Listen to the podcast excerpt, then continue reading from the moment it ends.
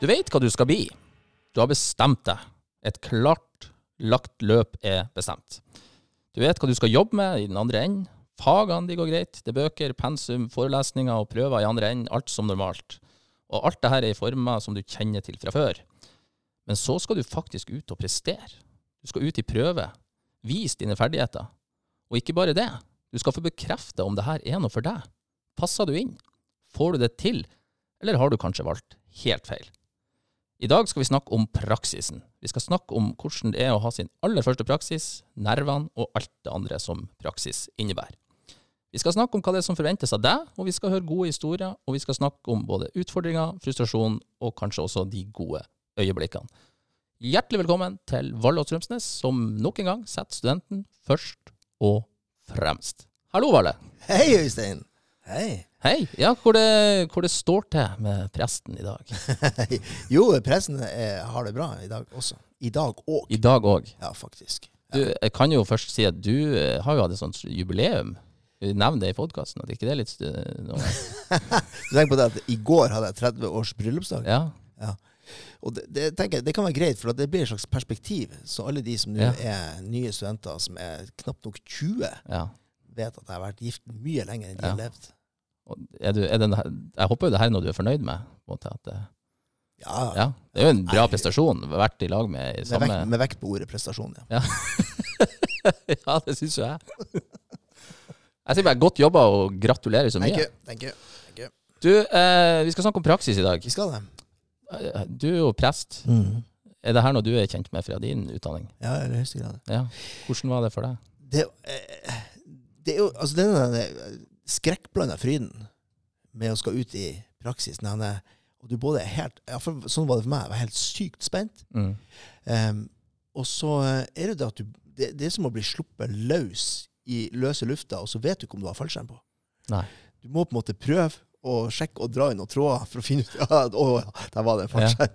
Men ikke sant, den følelsen at du blir litt kasta ut i det, helt uten å vite hva er det som eh, skal til. Og, og for min del så må jeg si at det er noe av den eh, har også vært, Det er jo sånn ulik praksis for oss. da. Mm. Både institusjoner og så i ja, noe under selve studiet, og noe som vi blir sluppet løs på håper jeg på egen hånd. Eh, Mm.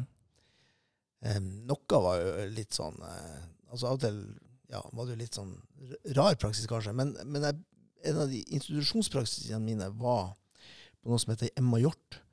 eh, Som har et sånt hjem for psykisk utviklingshemma i Bærum. OK. Og der eh, Det var ganske skjellsettende altså på mange måter. fordi at der, eh, der var det på ei avdeling med sånne veldig veldig multihandikappa barn. Mm. Og det betyr at barna ikke sant, at de- var ikke nok med at det kognitive ikke fungerte, men, men ikke sant, kroppene deres fungerte heller ikke. Eh, Og der ble jeg møtt veldig med ikke sant, sånne prinsipielle spørsmål. Hva er et menneske? Og hva er menneskeverd? Og Ja. eh, hva betyr de her tingene? Det var helt nødvendig og veldig sånn formende for det jeg har gjort senere. Mm. ja. Så du kan si at den praksisen din den, den var på en måte litt med å forme deg og så videre som prest, kanskje? Ja, i aller høyeste grad. Mm. Og det tror jeg er- fint, og derfor er jo dette her helt usedvanlig viktig, Det er dette med praksis. Så Ja, det er altså, utrolig artig at vi rett og slett skal prate om det. snakke om det i en hel podkast. Ja. Ja. det syns jeg er knallbra. Ja, nei, jeg tenkte sjøl reflektert over med praksis, og sjøl så er jo den situasjonen jeg har liksom aldri hatt praksis. En statsviter får jo ikke det. Og jeg sjøl tenkt hvorfor ikke? Ja, ikke sant? Kunne du prøvd seg litt som ja, Ja, for, president i USA, for eksempel? det, for eksempel. Jeg tror det, det kunne vært interessant. Ja. Hvordan er det? Ja. nei, så Det skal vi også litt inn på. Hva, hvorfor praksis, og kanskje prate litt om eh, Men vi skal i hvert fall få med oss to, vi med oss to studenter i dag. Ja. Eh, og en er jo eh, Janice Johansen, som er lærerstudent. Og da går hun selvfølgelig for praksis som lærer. Og Ja, nett- Noe ville vært ganske ja. unaturlig. Ja, det ville vært rart.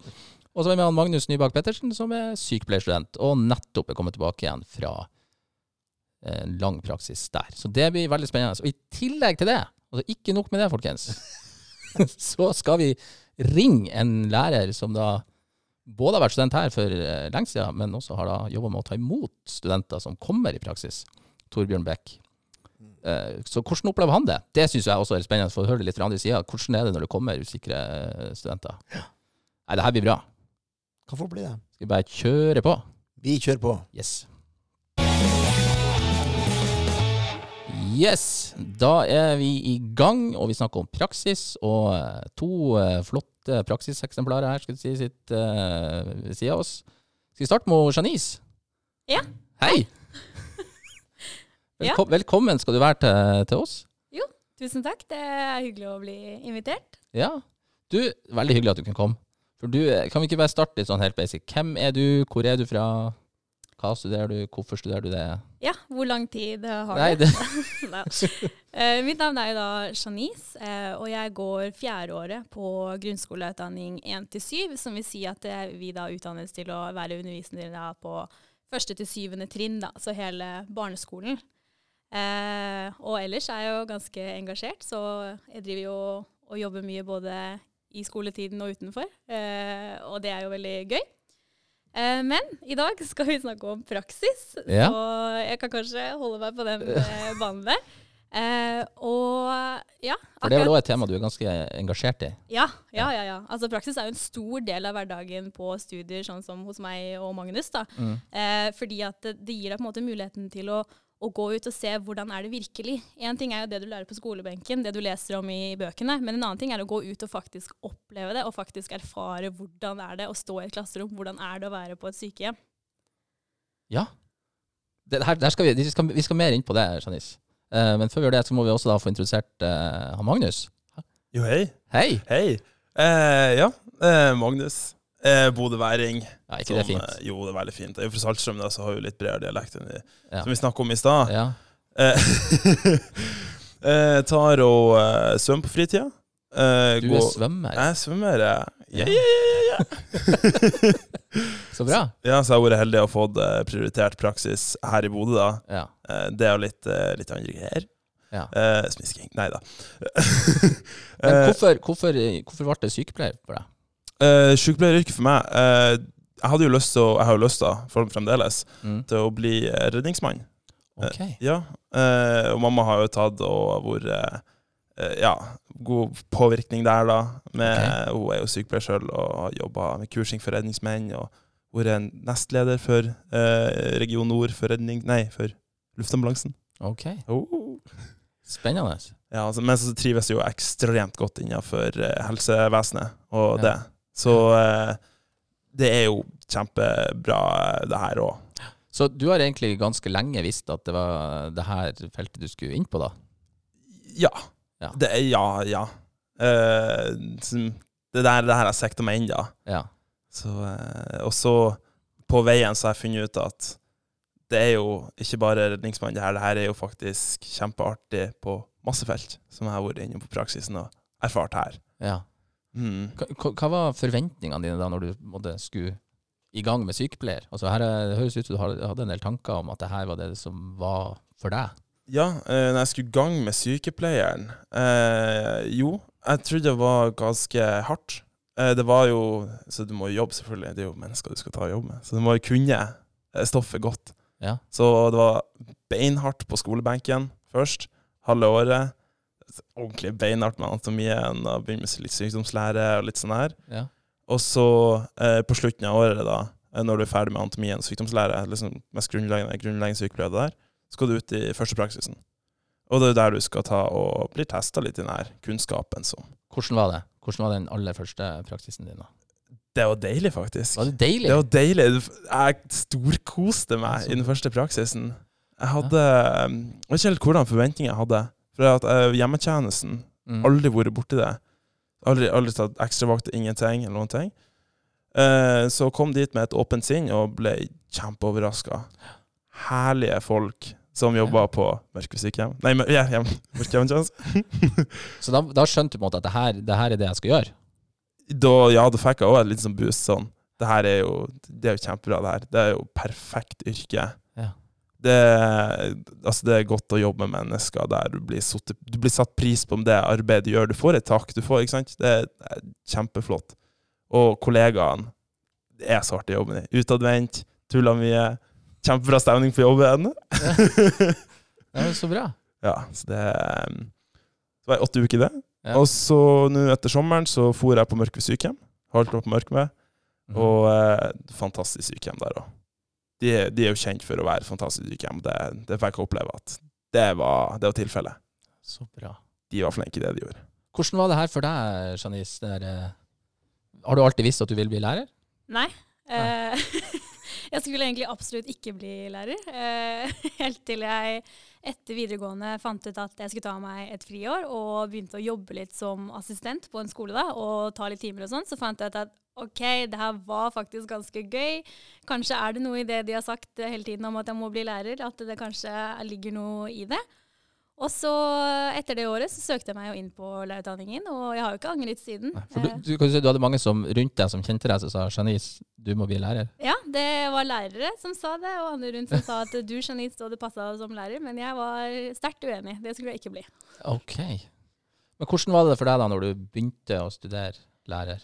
Når jeg begynte å studere, da hadde jeg på en måte slått meg litt mer til ro med at ok, det her kan jo faktisk eh, være noe for meg, da. Eh, og nå er jeg jo, jeg er på fjerde året mitt. Eh, så jeg har jo holdt ut eh, ganske lenge, eh, og trivdes egentlig veldig godt. Og, og, mye av det har kanskje litt å gjøre det her med praksisen, da, at du får den her opplevelsen av at det her håndterer du. Det her er noe du faktisk trives med. da. Det her er noe du får til. Eh, så kan man jo selvfølgelig sitte igjen med litt andre følelser også, men det er også noe med det å også oppleve når det går galt. da. Når Mm. det ikke fungerer. Hva, hva er det som ikke fungerer, og hvorfor fungerer det ikke? Fordi det handler jo ikke om å, om å vise om du er god eller dårlig, det handler om å reflektere over hva er det som skjer her. Hva kan man lære av det her, da? Ja. Husker du hvordan liksom ditt første møte med det å være liksom ute der som lærer var? Ja, altså Den aller første praksisen for oss da, som går på lærerutdanning, så får vi aller først starte med noe som heter observasjonspraksis. Som vil si at vi får lov til å komme og sitte i bakgrunnen og se. Eh, helt i begynnelsen, før vi da etter hvert får lov til å, å få våre egne opplegg og, og prøve litt. Da. Og jeg tror det, det er det at man får lov til å begynne med på en måte, å se ok, hvordan fungerer den klassen her, hvordan er det læreren gjør det, hva er det de lærer om, eh, gir deg på en måte en sånn betryggelse. Eh, og så blir du også kjent med elevene på en helt annen måte da, når du ikke står foran i klasserommet, fordi at du kommer på et litt lavere plan. da. Eh, og det sier jo lærerne som er praksislærere også, at når de har studenter, det er den beste tiden de har til å se hva som faktisk skjer i klasserommet sitt. Ok. Så det var ikke sånn at du satt på baksida og tenkte å nei, her, snart skal jeg gjøre det her. Å nei, jeg tenkte yes, snart er det min tur. Så bra. Du, dere, jeg tenkte vi skulle først prøve å definere litt hva er liksom praksisen deres. Hvordan er det her fungerer? Hva er det dere skal igjennom? Eh, for du, eh, Magnus, du går jo på et treårsløp. Ja, tre års. Hvor mange ganger må du ut, og hvor lenge må du ut i løpet av de tre årene? Ja. Eh, først eh, så er det da sykehjem hjemmetjeneste. Så er det da åtte uker hver der. Eh, så 16 uker til sammen der. Og da er definert, da er det sykehjem eller hjemmetjeneste som skal for alle. Ja. Begge delene. Det kan eh, veksle hvordan rekkefølge, da. Mm. Etterpå det så er det sykehus, eh, psykiatri, og så sykehus, og så spesial. Så er jo da, da eh, åtte, 16 Ikke sant? Ja. Ja. åtte uker hver praksis. Ja. Ja. Og nå er du nettopp ferdig med en åtteukers Ja. folk. Nett, nettopp ferdig med det. Og dere kan bli sendt litt hvor som helst i hele landsdelen, hele Nordland, eller? Yes.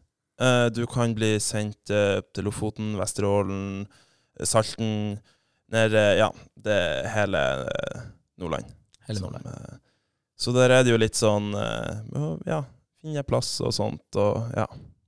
Mm. Og du har vært heldig å få vært her, da, Ja. til nå. Rett utfor husdøra og Ja. nabohuset til Mørkved sykehjem hjemmetjeneste, så kunne ikke vært mer heldig med det. Så kjekt. Ja, så det er jo eh, Ja. Men det var jo det der med at det var prioritert Ja. på grunn av svømminga. Ok.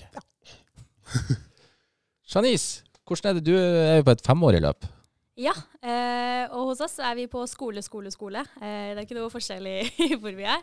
Eh, men siden lærerutdanningen er delt opp da, i sånn trinnvis, sånn Mm. 1 til 7, 5 til 10, 8 til 13, eh, så vil det variere litt måte, om man er på barneskole eller ungdomsskole eller videregående. Så jeg som går 1 til 7, jeg er jo da bare på barneskole.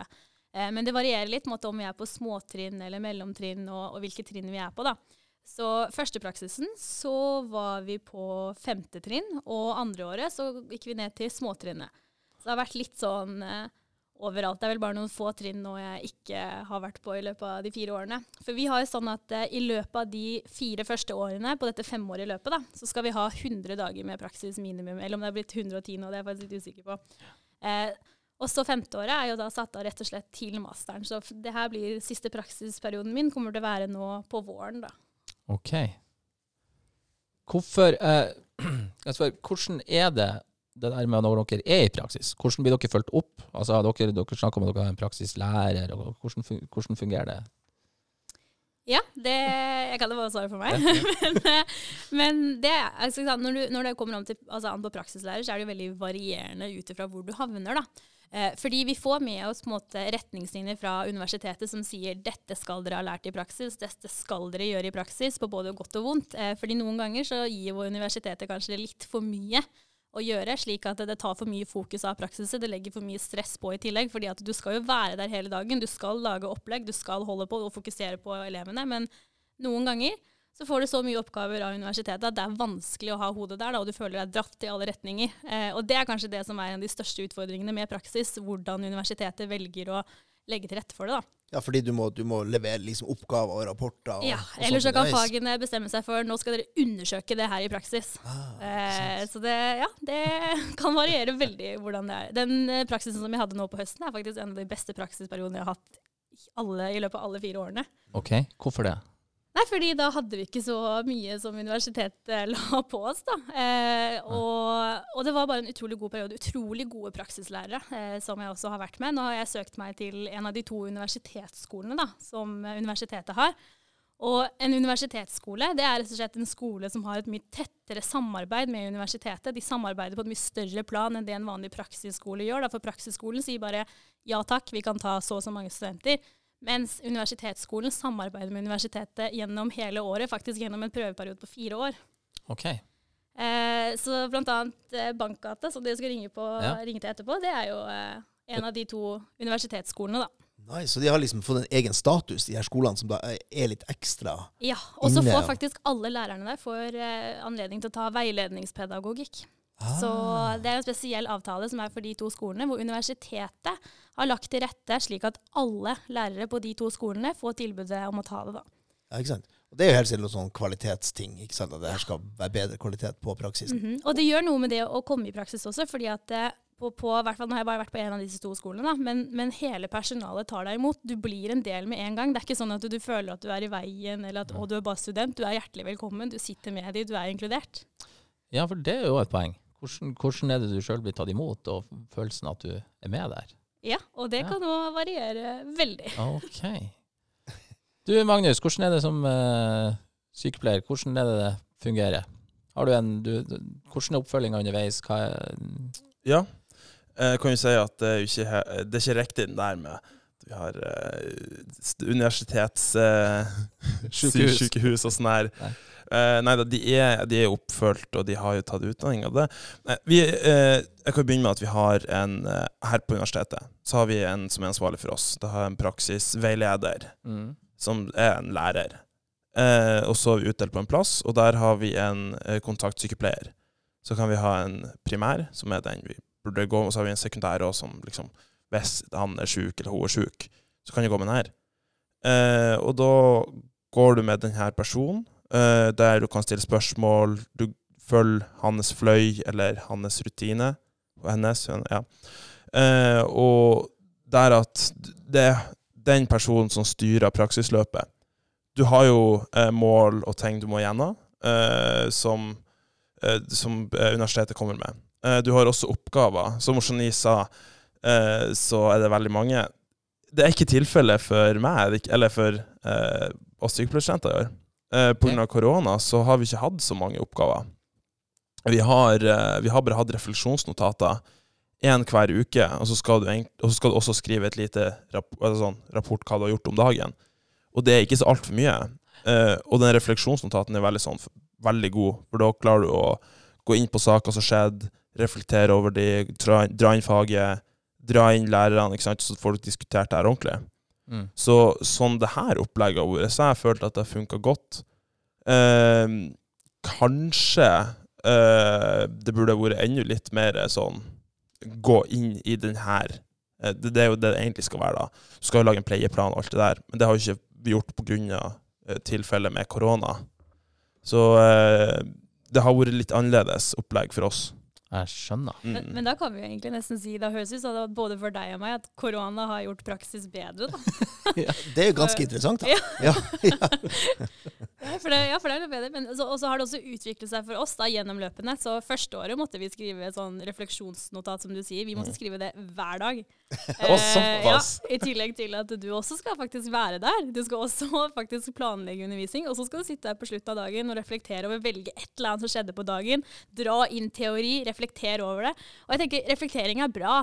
Men påtvungen refleksjon hver eneste dag Jeg så ikke helt på en måte det å få noe ut av det, fordi at du får den der Nei, du må gjøre det hele tiden, så du må bare bli ferdig med det. Finn på historie om han Tommy som datt i sklia. Ja, ja jeg trenger ikke å finne på historien. Det, altså, plutselig så ta en historie som faktisk du kan finne relevant teori til, da. det er jo litt av en uh, utfordring. Uh, men, men, det å kunne på en måte reflektere litt med litt mer jevne mellomrom, og faktisk la det modne litt, tror jeg man kan vinne mye mer på. da. Og det har vært utrolig deilig den perioden her. Vi bare har skrevet én logg? De tre ukene. Men, for, som du sier, Janice, altså, det med, med refleksjon er jo også viktig. Det vil, mange vil, jeg er sikker på at mange praksislærere vil si at det er en slags en hovedmål, at dere skal få være i de situasjonene som dere må, faktisk må tenke over, på et vis. Absolutt. Eh, og der er det jo sånn også, siden vi har undervisningstimer, eh, så er det sånn at eh, vi, vi, har alltid på en måte en diskusjon med praksislærere og medstudenter, gjerne før og etterpå. Hva, hvordan gikk det? Hva skjedde? Hva kunne man gjort annerledes? Hvorfor gikk ting som det gikk? Noen ganger så kan du jo komme inn, og så bare treffer ikke opplegget ditt i det hele tatt. Eller plutselig er elevene opptatt av noe helt annet. Eh, så ja, refleksjon er absolutt eh, bra. Men jeg følte ikke at den der å måtte skrive det notatet hver Hver dag, eneste dag i tillegg eh, hjalp så mye på, altså. Det hørtes litt voldsomt ut. Ja. Men du er vi jo litt inne på det der med kanskje litt utfordringer eller ting som ikke helt fungerer. Hvis, skal, hvis dere skal trekke frem en eller to ting som er på en måte vanskelig, utfordrende med praksis, hva vil dere trekke frem da? Eller er alt bare helt supert? Skal jeg først? Ja, ja, ja. Eh, ok, eh, utfordring med praksis. Det har jo vært litt sånn frem og tilbake her eh, at hvor skal vi? Hus, ikke sant? Det er ganske mye usikkerheter. Eh, og der du må flytte ifra alt i Bodø, eh, komme på en ny plass, så får du 10 000 kroner ekstra. Ok, for, for hvordan er det her? Du, hvis du, Magnus, skulle til eh, Lofoten f.eks., Ja. så må du da finne, og så skal du være der i åtte uker, så da må du jo finne deg en Mm. plass å bo da i de åtte uker. Ja. Eh, hvordan er sykepleier behjelpelig der, da? Eh, sånn som jeg hørte fra de andre som går der, så det er jo opp til deg sjøl. Eh, du, må finne- du må finne plass å bo sjøl og det. Eh, og uh, 10 000 kroner ekstra for, og så må du ta og betale husleia hjemme, så en ny husleie her, og sånt. Ja. Og det, det er 10 000 kroner i åtte uker. Eh, Ja, så, så ja. Du får, du får 10 000, 10 000 fra fakultetet ja. totalt på de åtte ukene. Eh, ekstra. Ja, altså Så det- ekstra. ja. ja. Og, og de er ment for at de skal gå til den plassen du skal bo, da. Mm. Ja, og da må du jo kanskje forlate eh, jobben som du er der på i Mm. Bodø, så du mister inntekt der. og sånt. Så det er litt sånne her utfordringer er det. eh, å komme på en ny plass. Og så kan det jo være også utfordringer med at eh, hva hvis veilederen din eh, egentlig ikke har Altså, han har bare sagt ja, jeg kan ta en student, men han har egentlig ikke tid til en student. Ikke sant? Nei. Så blir du bare labbende i bakgrunnen og driver og tusler for deg sjøl, og du får ikke et ordentlig opplegg. Du føler ikke OK, jeg har nå får ikke jeg oppfølgt med lærerprogrammene mine. Det kan være utfordring. Og den utfordringa, og sånne utfordringer, det må du det blir jo tatt i Det må du ta i dine egne hender. Det må du ta videre. Det, ikke sant? Eh, for at du er jo alene. og Du må også vise at du kan ta ansvar der. Så når at sånne problemer oppstår, så må du ta, ta det videre. Ta, ikke sant, sånn her. Så du, da blir du fort veldig alene, da. Eh, så, og så det, det er jo ganske opp til, til den du går med òg, da. Hvordan opplegget blir. Eh, så det, det er jo utfordringer der. Eh, det høres ut som jeg snakka litt ned, men det er altså Nei, men praksis. altså, det belys, det, Du belyser jo Ja. de er utfordrende, så det syns jeg er fint. Det er ikke negativt. Eh, det, det er liksom der skoen trykker. Du kan jo si at det har jo vært et lite tema da, med mm. hvordan vi skal gjøre det i praksis, eh, som er gjengående i fagforeninger og sånn her. For det er, det, er jo et, en plass der det er problemer. Det er jo det. Men fremdeles er jo praksis en fantastisk plass å lære på. Men du, du belyser at det er utfordrende som måtte flytte, og så bort, altså det, og kanskje, kanskje ikke 10 000 da, er nok Ja. til å dekke det tapet, det reelle tapet som faktisk er på åtte uker. Det var en sånn veldig konkret ting. Det er en konkret ting. Ja. Og så er det at det fort blir litt sånn eh, personavhengig. Altså det er litt vilkårlig hvem det er du får til veileder. Du kan få en sykt bra veileder og som eh, virkelig løfter opp, Mm. eller så kan du få en som ikke er interessert i det hele tatt. Ja, og så er det veldig også til plass til plass. Ja, Altså ikke alle, alle sykehjemmene er forskjellige. Ikke sant? Mm. Det her at noen er fantastisk, noen er kanskje litt jeg holdt på å si shabby, men du forstår. Eh, lærere må liksom tenke sånn Å, er, den studenten min i gode hender her? Altså lage et opplegg som funker så bra som mulig, og så likt som mulig, for at du vil jo ha en lik utdanning òg. Og så heller så kan du ikke ta og Du kan ikke ta og lage opp scenarioer. Nei. Du kan ikke gjøre noen litt sykere for å få studenten til å trene seg. nei. Jeg trenger en utfordring. Kan ikke du komme hit, så jeg kan skjære deg litt? Du har en fot som blør litt.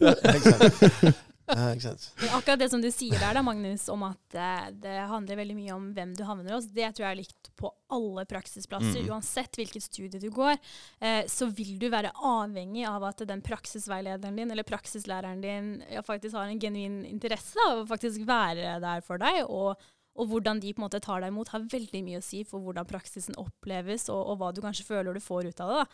Eh, selv om ikke vi har de problemene med at vi havner så langt borte. Jeg tror det lengste bort noen i mitt kull har havnet, er vel Fauske. Eh, så nok til å kunne på en måte reise fram og tilbake. Ja, det er langt nok bort. Ja, det er langt nok. det er langt nok. Eh, men nok til at man kan på en måte pendle fram og tilbake hver dag. da. Eh, men absolutt det med hvor man havner, har veldig mye å si. Hva er det du vil trekke frem, Janice, på, på lærer, da, som typiske sånn, utfordringer hos dere her i praksis? Ja, det er jo da akkurat det samme. At eh, Ja. hvem du havner hos, har veldig mye å si. Eh, og det kan jo være en stor utfordring når på en måte alle skal jo gjennom det samme. Alle har jo de samme oppgavene, men hvordan det løses og hvor fleksible praksislærestedet er, da, eh, er veldig forskjellig. Men sånn Jeg har jo vært nå i praksis i fire år. Mm. og opplevd litt av hvert. Eh, og ja, hvordan du blir tatt imot har mye å si for både totalopplevelsen for deg selv, men også for hvordan du får gjennomført oppgaver. For jeg har jo hatt gode praksisperioder og ikke så gode praksisperioder. Og de ikke så gode handler rett og slett om at da føler man at man er i veien. Man føler at man har egentlig ikke Man, man blir ikke på en måte verdsatt for å være der, man blir bare sett på som at man er i veien. Eh, og det gjør noe med totalopplevelsen, da. Så nei. Det, det kan være utfordrende, rett og slett personavhengig og stedavhengig når du havner i praksis, da. Mm. Svein, hadde du noe Nei, altså, det der er jo, der er jo utrolig viktig. ikke sant? Og det, og det er jo litt sånn som eh, Uansett når du kommer på en arbeidsplass også, ikke sant? når du skal begynne å, å, arbeide håper jeg, å si, på ordentlig, i hermetegn, eh, så, så vil det jo være forskjellig. Altså, det er jo litt av Sånn er det der ute. men, det, men det er vel derfor at universitetet også, for eksempel for dere på lærere, har investert litt mer i, i akkurat de her um, da. Um, og at det også for så vidt på sykepleie så blir jo de praksislærerne blir jo fulgt opp. uh, helt sikkert, på en eller annen måte. Uh, vil jeg tro. Gjetter jeg på. Ja, og der har vi det også sånn at eh, vi er på en måte i praksis og har en praksislærer i praksis, men vi har også alltid en faglærer fra universitetet som er ansvarlig for å følge oss opp, da, for å se på de loggene vi må skrive f.eks. hver dag eller en gang i uka, eller hvor ofte vi må gjøre det. Eh, så er det både praksislærer og faglærer på universitetet som følger deg opp. Da er det litt spesielt, fordi akkurat den høsten her så har vi ikke fått noen faglærer, og jeg vet ikke helt hvorfor vi ikke har fått det. Men Ok. eh, de tre ukene gikk jo så fort, så jeg har jo ikke savna det heller akkurat. Men, men det burde jeg sjekke opp i, Ja. til våren, da, for vi Ja. skal egentlig ha en faglærer som følger oss opp også. Ja, ikke sant? Men eh, hvordan er det? Altså, det? Det er jo helt sikkert mange historier der ute om, om når ting går veldig bra, og når ting går dårlig. Har dere, hva dere har hørt uh, i hver sin ende av skalaen? Skal jeg ta en sykepleierhistorie, faktisk? Fordi, ja, ja, Ja, ja. Hør her nå. Ja. Jeg har jo sittet i studentforeningen Prostud, eh, som var forening både for ditt fakultet og mitt fakultet, dvs. Si alle sykepleiere, alle lærere. Eh, og det som du sier med personavhengig, det har veldig mye å si. Fordi det verste som kan skje, tror jeg, i en praksisperiode, er en situasjon som vi fikk inn, hvor det var en student som opplevde at de ble egentlig brukt som eh, altså for det, det her er en veldig fin greie. da. Når du er eh, student, så skal du ikke brukes som vikar. Du skal ikke brukes som en sånn arbeidsressurs, for du, du er ikke der for det, du er der for å lære. Ikke sant? Eh, men i det tilfellet her, da, eh, som var da sykepleierstudenter, følte at de på en måte ble satt til jobb. En helt annen type jobb enn egentlig det som var relevant for dem, og som på en måte om de var ekstra på sånn lager, eller hva det nå var, det greiene her. Det var en veld, veldig spesiell situasjon. Eh, og, og de på en måte, fordi at det er praksislæreren som har makten til å stryke deg, så er det veldig vanskelig å skulle ta opp sånne her situasjoner, fordi at eh, du kommer på en måte ingen vei da, når den som sitter der på en måte med makten til å Ah. stryke deg, er den du må gå til. Den som sitter der med makten til å sørge for at du må ta praksisperioden på nytt. Ja, ikke sant? Så du kan altså i sånn worst case bli satt til å, til å rydde inn på, inn på rekvisittlageret, og så får du ikke sagt noe fordi at eh, du faktisk kan stryke på det. Ja, og det, er veldig virkelig worst case scenario, da, men, Ja, ja, men det kan skje. Det kan, Ja, fordi at det er de som sitter der med makten. Og, Kanskje vi skal ta inn noen sykepleierstudenter eller legestudenter hos oss? Ja, ikke sant? Blir et praksissted. Ja. For, for det er faktisk eh, en problem som jeg glemte å ta opp, det er det der med bruk som arbeidskraft. ja, nettopp. Det er jo også en vanskelig grense å ta, eh, men det er jo ganske sånn eh, La oss si hjemmetjeneste, hvis du blir sittet på eia bil på flere dager på rad. Da er det liksom ah, OK, da er vi over grensa. Nå Ja. brukes du som arbeidskraft. ikke sant? Ja. Men uh, det er jo en veldig viktig ting å ikke, ikke bruke den som arbeidskraft hvis det ikke er noe baktanke bak. ikke sant? Du kan sette noen på en bil og tenke sånn at nå skal vi se hvordan du klarer deg alene. For at, hvordan, ikke sant? Så kan jeg sitte i bilen utafor. Sånne der ting.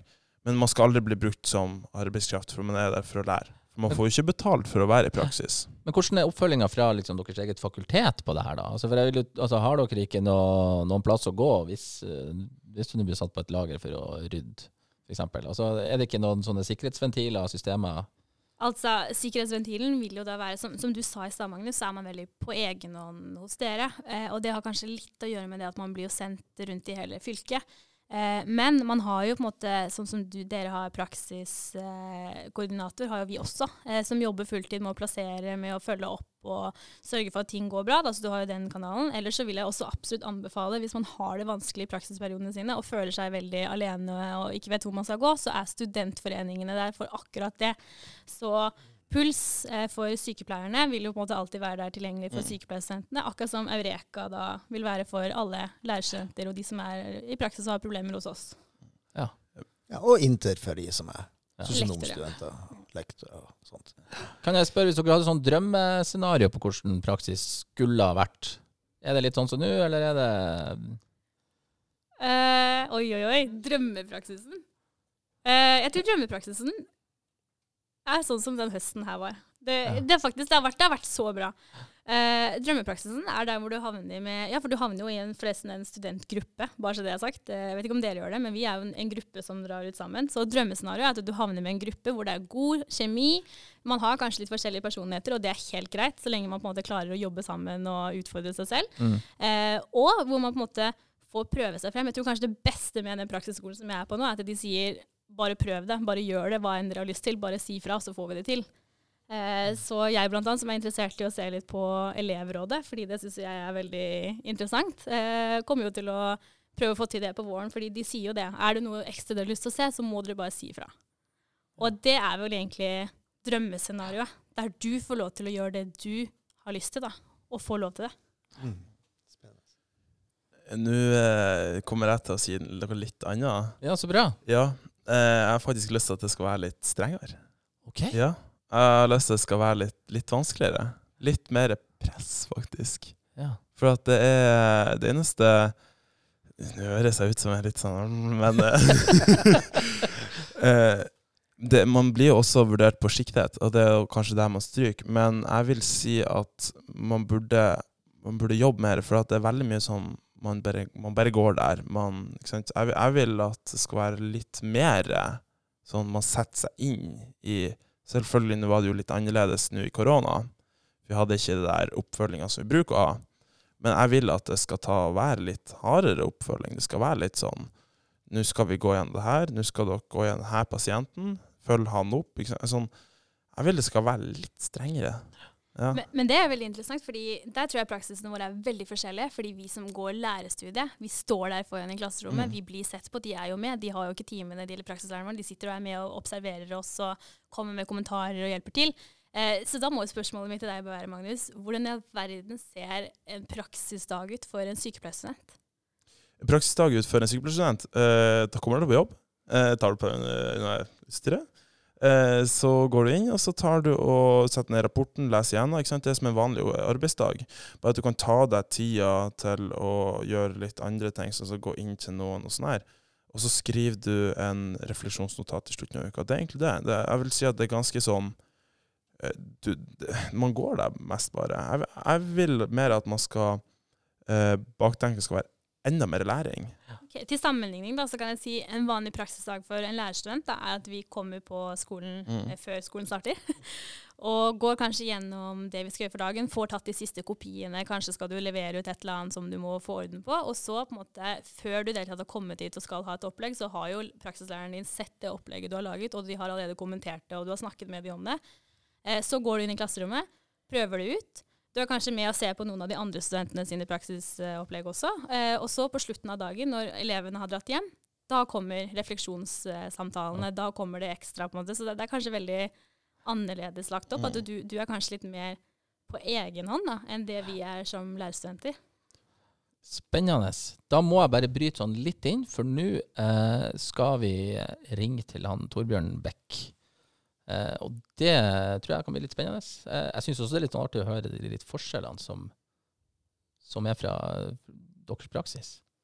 Skal vi se om vi får komme igjennom til han, Torbjørn. Vi prøver. Vi prøver. Ringer i hvert fall. Ja, ikke verst. Hallo. Hei, er det han Torbjørn Beck? Ja, det er det. Hei, du, tusen takk for at du vil være sammen med oss på podkasten Valle og Strømsnes. Ja, ingen årsak. Du, vi ringer jo deg for at vi har uh, nå to studenter her, og vi snakker om det å være i praksis. Um, mm. Og så har vi fått inn en god del om det studentperspektivet, så da tenkte vi det var veldig hyggelig å kunne ringe en som møter litt fra andre sida. Ja. Så kan jeg spørre først, Hva er ditt generelle inntrykk av de studentene dere har hos eh, dere i praksis? Nei, eh, vi har jo mye studenter, eller vi har jo flere kull hvert eneste år. Jeg har sjøl hatt studenter hvert år i ganske mange år nå vet ikke, åtte-ni år kanskje. Ja. Og uh, inntrykket av i dag er jo at uh, for det første så holder de jo et ganske høyt faglig nivå. Um, de har jo um, altså de er flittige å studere, og de, de ønsker å, å, å, lære, og de er pliktoppfyllende. Ja, det er, det er jo ikke verst. Uh, og, nei, det er ikke verst. Det er jo bra.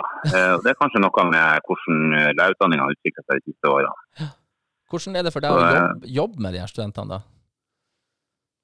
Nei, det, ja, det er jo eh, det er krevende, absolutt. Eh, det tar mye tid. Man skal ha førveiledning, og man skal ha etterveiledning, og man skal observere timene, og man skal lære om andre ting. Eh, men det er veldig lærerikt for meg også. Ja. Og siden jeg har studenter, så må jeg, jeg må begrunne hvorfor jeg gjør ting som jeg gjør. Ja. Jeg bare, altså, man, man, jobber jo som lærer og gjør det man gjør, men når man har studenter, så må man jo forklare hvorfor man gjør det.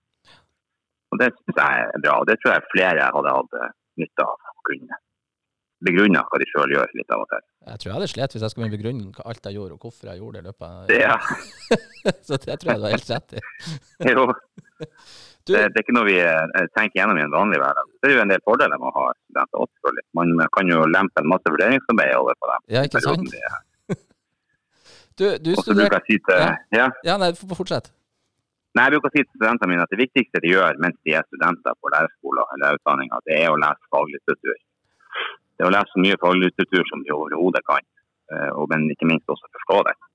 Ja. Fordi at Når du begynner å jobbe som lærer, så blir det lite av den sorten lesing av faglitteratur. Da er det på en måte å jobbe med det. Du, ja, for det, du studerte jo her for mange år siden, har jeg blitt fortalt. Mm. Hvordan Ja, mange. Ja. Hvordan er forskjellen, noe, ja. Ja, hvordan er forskjellen fra når du sjøl var ut student i praksis, og den læreren du på en måte er i dag? Eh, kan du si noe kort om det? Altså hvordan forskjellen? Ja, altså Det du så for deg når du da begynte å skulle, gikk ut i praksis, og hva, hvordan har det, det prega deg som lærer? Nei, når du, jo, når du går på lærerskolen, så har du et, et perspektiv i forhold til eh, si, pedagogikk og faglig eh, ja, Du har didaktikk og alle de tingene der. Eh, det man lærer mindre på lærerskolen, det er jo det som ellers foregår i skolen. Og det er jo på en måte, Summen av det er jo høyere enn summen av eh, didaktikk. Ja. Så man snakker om det praksissjokket. kan si. Ja. Det er et begrep som jeg først fikk høre en stund etter at jeg begynte som lærer. Jeg begynte å jobbe 100 i 2008. Ja. Og eh, praksissjokket, det er jo det er mye å gjøre. Komplekst yrke. Det er veldig mange roller du skal ha. Du er faglærer for det første, så er du miljøterapeut, og så er du psykolog. Både for elever og ofte foresatte. Og så er det mye andre begreper. Du har IOP og IOP og PPT og BUP og en masse formaliteter som du Ja. ikke lærer mindre av, både i praksis og på lærerskolen. ja. Du, Så, eh, nei, bare fortsett. Det var spennende å høre på. Ja, så det å jobbe som lærer, det er, eh, det er utrolig eh, Det er komplekst, men det er også veldig givende. Det er jo et, eh, jeg vil påstå at det er et fantastisk yrke jeg har valgt. Jeg angrer ikke i det hele tatt. Nei. Man blir aldri utlært i det yrket her. Og ingen dag er lik. Og, og det er ikke bare en floskel, det er sånn det er. Og ingen dag blir heller som du hadde planlagt. Uansett som du planlagt. Åh, og det må jeg bare si som student, akkurat det du sa der, om at man er aldri ferdig utlært, det er jeg helt enig i. Og det er utrolig godt å høre en praksislærer også som, eh, som Ja. sier det. Fordi man, man, altså, verden forandrer seg. Så man må faktisk være med på den forandringen hele livet. Da. Spesielt i ja, et av verdens viktigste yrker som eh, lærer og sykepleier. Man, man må endre praksis. Ja, vi sier jo her på Bankgata, vi er jo kun en ungdomsskole, så vi har jo eh, niende og 10. Erfaren lærer, du kan begynne å kalle deg en erfaren lærer når du har vært gjennom tre kull, da, altså etter syv til ni år. Da begynner du å bli erfaren. Ja, nettopp. Og, eh, også hvis du er ute av skolen i, la oss si at jeg tar permisjon og gjør noe annet i tre år, så er jeg borte fra skole i tre år, så kommer jeg tilbake til en, en, en organisasjon som er veldig sant? hvordan man gjør ting, hvordan man ser på ting. Så en pendelen den svinger veldig fort. Pluss at uh, utviklinga av hvordan vi gjør ting og hva vi bruker osv., det utvikles i vanvittig tempo. Du, jeg tenkte jeg sånn avslutningsvis skulle bare høre om du hadde noe, hadde du noen artig historie om uh, studenter du hadde innom, noe som har skjedd uh, som, som kunne vært artig å høre på fra deg som har uh, hatt med studenter en stund? Jeg har tenkt litt på det, og jeg har hatt mange studenter. og, og si, eh, Man er veldig skjerpa når man er i praksis. Man ønsker å prestere. Mm. Så det er fort at man havner litt på, på hælene, egentlig. Man er veldig godt forberedt og veldig påkobla. Så kommer du inn og så møter du eh, 25 stykker som har tenkt at eh, nei, vi har tenkt å gjøre det på en annen måte. Så Det er litt vanskelig å komme på artig historie, egentlig. Men jeg hadde en, en, en, eh, en landsens mann som var i praksis hos meg. Og han hadde jo eh, et mål om å, om å tilpasse seg og, og gjøre så godt han kunne da, og bli sånn som oss. Så når man underviser, la oss si jeg skal holde en forelesning på en halvtime eller tre kvarter, eller noe sånt, så er det godt å ha en kopp kaffe der, eller et eller annet. Så han observerte jo oss lærerne, og så tenkte jeg ja, men det, da, da gjør jeg også det. Han kom jo da inn i praksis og skulle være da vordende lærerkandidat med en kaffekopp og satt seg henslengt bak et hjørne. Ja. Og da hadde han egentlig misforstått litt. Ja. Sånn. Så da måtte jeg si til han at selv om jeg tar meg noe kaffe, så, så kanskje ikke du skal gjøre det nå når du er i praksis. Nei. Nei.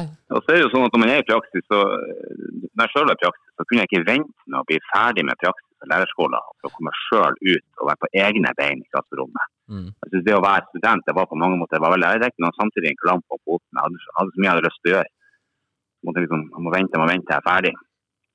Så, men eh, så det, man, må, man må gjøre så godt man kan i praksis, man må lære så mye som man kan, og så må man ta det med seg og videre til egen praksis. Da, de erfaringene. Man har jo altfor lite praksis etter min praksis på lærerskolen. Ja. Du, Det er jo i praksis man, man lærer. Ja. Ja, det, det var helt sant. Jeg syns det var fine Mm. avslutningsord fra deg. Så um, skal, ikke vi plage deg så mye men Jeg syns det var utrolig trivelig at du ville prate med oss og tok deg tida. ja, ingen problem. Jeg prater gjerne om, om Ja. Mm. Nei, men Torbjørn, tusen hjertelig takk eh, for at du fikk eh, Ja. dele litt dine erfaringer. Og så eh, Mm. ønsker jeg fortsatt ja, lykke til med både dagen og uka og året. Og. Takk, takk. Ja. Like måte. Takk, takk. Ha det bra. Ja, hei, hei.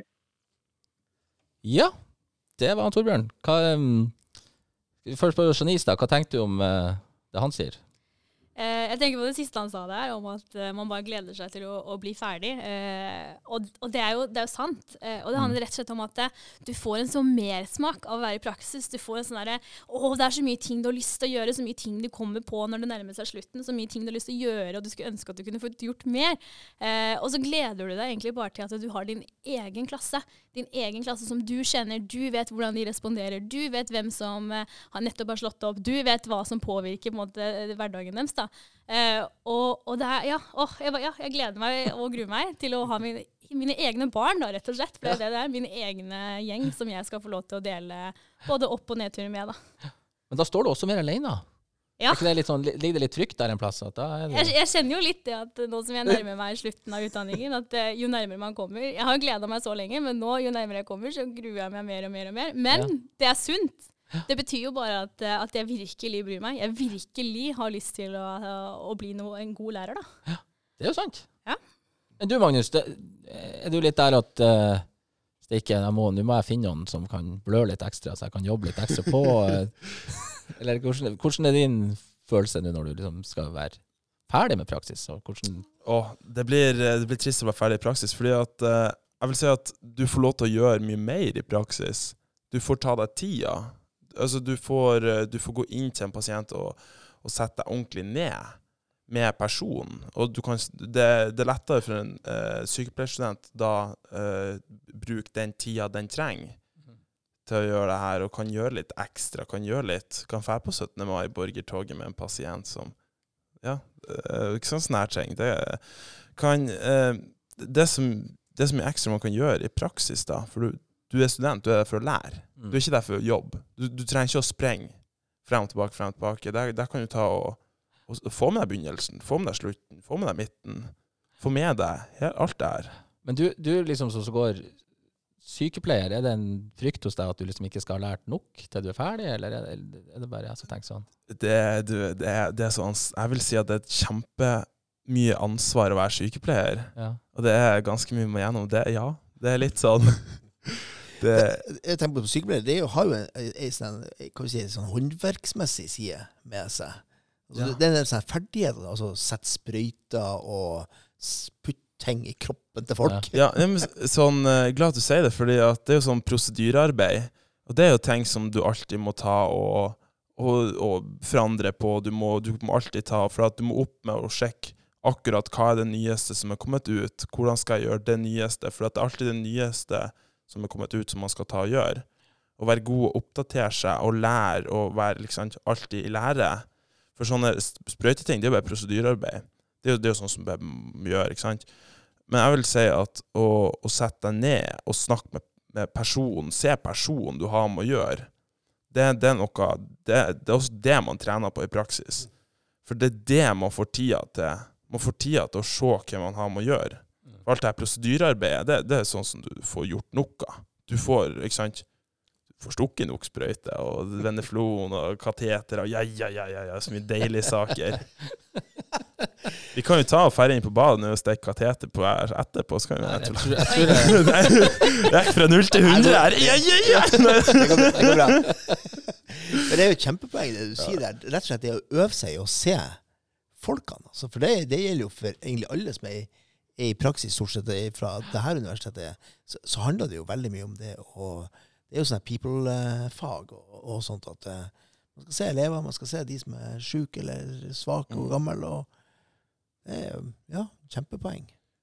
Og eh, så vi studenter vi får jo også ta og leke oss litt på hverandre med sånn prosedyrearbeid. Ikke kateter, men sprøytestikking og sånn der, da. ja. Så vi, eh, vi tar jo og stikker på hverandre og, og ser. Men det er jo litt forskjellig hud vi har fra eh, forskjellige livsløp og sånn her. Kjempelett å stikke på noen unge som oss. Ja, liksom. Men vi som begynner å dra litt på, det er det. Vi det. det er litt seigere hud og sånn, så det er litt mer man må tenke på. Det passer dere.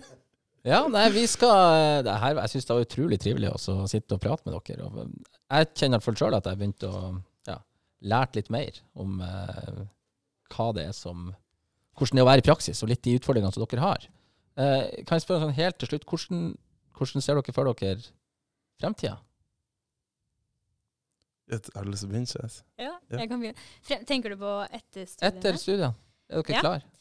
Eh, ja, ikke sant? Er vi, er vi klare? Eh, nå er jeg jo på fjerde året, har bare ett år igjen med masterskriving. Eh, jeg, jeg kjenner at eh, når jeg sitter her, så kjenner jeg å, jeg er ikke klar. Hvordan skal jeg få til det her? Jeg er redd for, det er veldig mye man er redd for. da. Man er redd for at man skal ha samtale med foreldre, man skal være ansvarlig for disse barna hele dagen, eh, og, og bety så mye i barnas liv. da. Men samtidig så kommer jeg jo ut i praksis, og så kjenner jeg åh, det er her jeg skal være. Ja. Så jeg tror, jeg tror fremtiden den, den er lys, da. Den ser lys ut. Men du, Magnus? Jeg gleder meg kjempemye til det ansvaret. Det Ja. Eh, jeg har litt lyst til å komme ut, da, og så begynne prehospitalt Ja. før sykehuset og det. Eh, jeg gleder meg kjempemasse til det, til det ta det ansvaret som eh, det å være sykepleier. Eh, men det er jo òg det der at det er jo eh, d- Ja, man må jo alltid lære, og man er jo litt redd for at har jeg lært nok? Ja, det her føler For at hvor mer man lærer, hvor mer lærer man at Oi, ja. det er mye jeg ikke kan. Det der men det var er også et kanskje ja, det beste avslutningsvis, Ja. er å si at eh, vi er kanskje snart ferdigutdannet, men vi vil aldri være ferdig utlært. Vet du hva, med Janice sine fine ord, så tusen hjertelig takk for at dere har hørt på, og så håper dere er med oss neste uke. Og takk, og ha det bra. Ha det fint.